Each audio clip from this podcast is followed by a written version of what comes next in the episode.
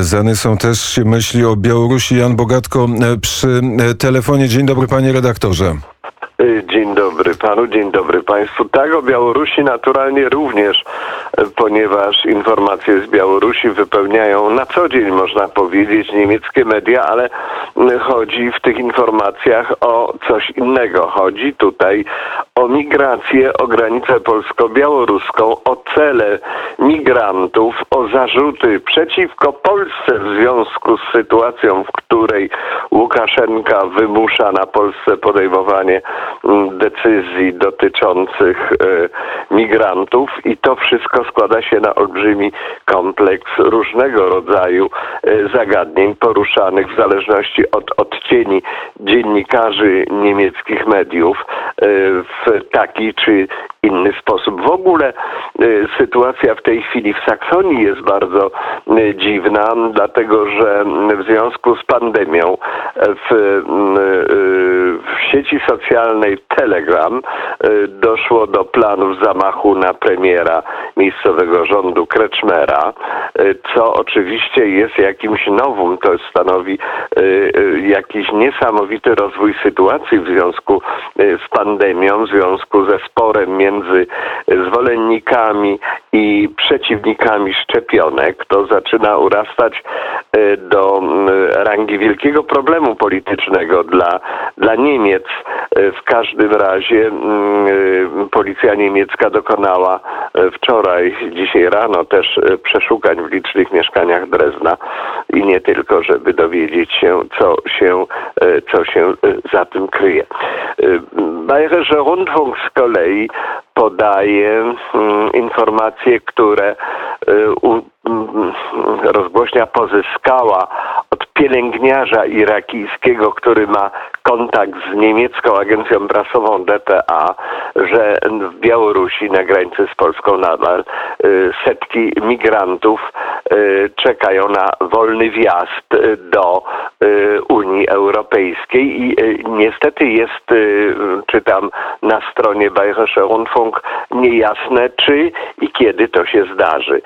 Wydaje mi się, że zmiana rządu w Niemczech uskrzydla dodatkowo mm, kandydatów na mm, Europejczyków e, z krajów arabskich, ponieważ e, Zieloni głównie opowiadają się za mm, zniesieniem daleko idących ograniczeń wobec e, imigrantów i są gotowi przyjąć ich znacznie więcej niż być może zrobiła to w, w słynnym 2015 roku kanclerz Angela Merkel. Annalena Baerbock zresztą mówiła w Warszawie, będąc e, ostatnio o potrzebie utworzenia e, jakiejś, jakiegoś systemu pomocy humanitarnej dla migrantów, przy czym ci migranci znajdują się przecież w każdym razie w większości poza tymi, którzy nielegalnie przekroczyli granicę na Białorusi, ale jakoś nie podała tego projektu, że można by się było zająć tymi migrantami na Białorusi, czy na przykład zgodnie z jej intencjami uruchomić y, jakiś y, most powietrzny między Białorusią a Niemcami, wszak y, ci migranci nie mają na celu, nie jest ich głównym celem przyjazd do Polski, ale właśnie do Niemiec. Dlaczego do Niemiec? To ma bardzo długą historię na ten temat. Można byłoby dużo mówić. To nie tylko ta pisała na przykład Neue Züricher Zeitung na ten temat. Dość dużo pisała o tym Fatina Kajlani na przykład, że to rząd y, niemiecki i w gruncie rzeczy Angela Merkel odpowiada za ten napływ y, imigrantów z krajów arabskich do Niemiec i do Europy, bowiem ona ich wyraźnie i niedwuznacznie y, za prosiła. W każdym razie y, od Niemiec wymaga się też, aby uporządkowały swoją politykę imigracyjną, żeby wyraźnie y, powiedziały, co, za czym są, a przeciwko czemu optują, tak aby można było bardzo wyraźnie przystąpić do jakichś y, akcji ochronnych bez narażania się na krytykę nomen omen ze strony Niemiec o nieprzestrzeganie praw człowieka wobec, jak to się tutaj mówi, najbardziej potrzebujących pomocy.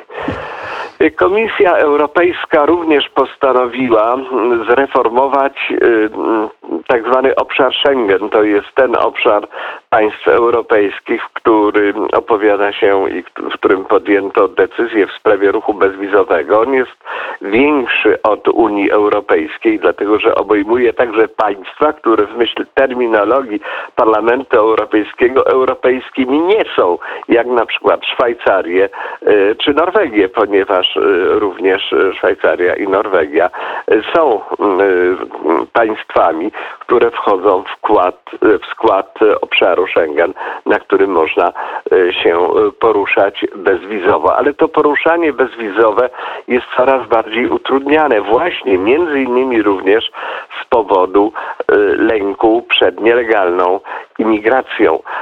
Od zaczęło to się chyba, pamiętam, e, na granicy z Danią. Dania pierwsza wprowadziła ograniczenia w ruchu z Niemcami w związku z e, imigrantami. To już było wiele lat temu. Później to samo pojawiło się we Francji i w Austrii. Teraz do tego dochodzą innego rodzaju uzasadnienia, jak na przykład korona. Pamiętam, jak była zamknięta przez pewien okres czasu granica Polski z Niemcami w związku z rozwojem e, pandemii. E, I e, tutaj postanowiła po prostu Komisja Europejska wkroczyć znowu na ten teren. Nie wiem, czy ma kompetencje w tym zakresie, ale to nie jest istotne, ponieważ Unia Europejska przyznaje sobie kompetencje wedle tej samej zasady, jak to było swego czasu to słynne pytanie pod adresem Rosji, z kim graniczy Rosja, Rosja graniczy z kim chce. Tak samo Unia Europejska po prostu może podjąć e, decyzje, które e, ma e, ochotę podjąć i nie jest tutaj ważne, czy to jest w jakiś sposób legalne, czy nie. To nie ma, to nie ma większego znaczenia. Panie redaktorze, to jedno, jedno pytanie. Jakaś najważniejsza reakcja na wizytę kanclerza Niemiec, nowego kanclerza w Warszawie. Jaka panu się rzuciła w oczy? Jaka była najciekawsza? najważniejsza reakcja to reakcja dotycząca mm, tematu reparacji wojennych. Y, pan kanclerz Olaf Scholz wpadł na pomysł, żeby uzasadnić brak potrzeby wypłaty tych reparacji, w ogóle podejmowania reparacji, w ogóle podejmowania tego tematu tym, że Unia Europejska płaci. To znaczy, że Unia Europejska ma odpowiadać za drugą wojnę światową. To jest bardzo ciekawa perspektywa. W każdym razie to powiedział Olaf Scholz w Warszawie i na to zwróciła uwagę w pozytywnym sensie tego słowa prasa niemiecka i niemieckie media, bo oczywiście nikt nie jest tutaj i na tym polega różnica między e, prasą na jedno kopyto a prasą wolną. Tutaj nikt nie jest zdania, że Niemcy powinny wypłacić Polsce jakiekolwiek odszkodowania. Oczywiście poza specjalistami, naukowcami, historykami. Był taki pomysł ostatnio Stefana Lensteda, y, historyka niemieckiego, który mówi, że trzeba by wypłacać odszkodowania tym, którzy faktycznie ucierpieli. Pytanie, ilu ich żyje, tych wypędzanych w 1939 roku z Posen, z Litzmannstadt czy z innych miast włączonych do Rzeszy y, po y, wojnie, po, po operacji wrześniowej przeprowadzonej wspólnie z Rosją. Na ten temat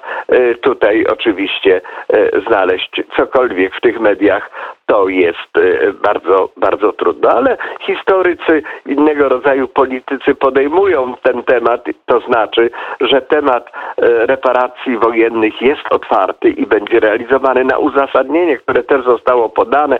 I to też o tym Olaf Scholz w Warszawie mówił, że były podpisane umowy 2 plus 4, ale ja sobie jednej rzeczy przypomnieć nie mogę, nie mam tu przed sobą tej umowy 2 plus 4, czy Polska była stroną tej umowy. Wydaje mi się, że nie była, ale może się tutaj mylę, nie będę się u, upierał zbytnio y, przy tym temacie. W każdym razie co ma 2 plus 4 z tym wspólnego? Do tej pory powoływano się tylko na rezygnację z odszkodowań wojennych pod adresem NRD, która była czasie Polski Sowieckiej podejmowana, czyli zaraz po 1945 roku, kiedy y, właściwie po 1949, 8, kiedy powstała Niemiecka Republika Demokratyczna, oaza pokoju na świecie. I ta dyskusja będzie się dalej toczyła i o niej będzie opowiadał Jan Bogatko. Studio Zanysą. Bardzo serdecznie dziękuję panie redaktorze. Do usłyszenia. E, Paweł Bobołowicz, Olga Siemaszko i Krzysztof Skowroński. Poprowadziliśmy dla Państwa dzisiejszy poranek w dniu specjalnym, Dzień Solidarności e, z Białorusinami i pierwsza rocznica Radia UNET. E, To będzie obecne przez cały dzień 15 e, grudnia na naszej antenie o godzinie 18. E, Proszę posłuchać Białoruskie studio Radia Wnet. Białoruskie studio Radia Wnet. Białoruskie Studio Radia Wnet, Białoruskie Studio Radia Wnet, Białoruskie Radia Wnet e, Studio. Patrzę na zegarek i już wiem, że bije serce Adriana Kowarzyka i za chwilę wiadomości.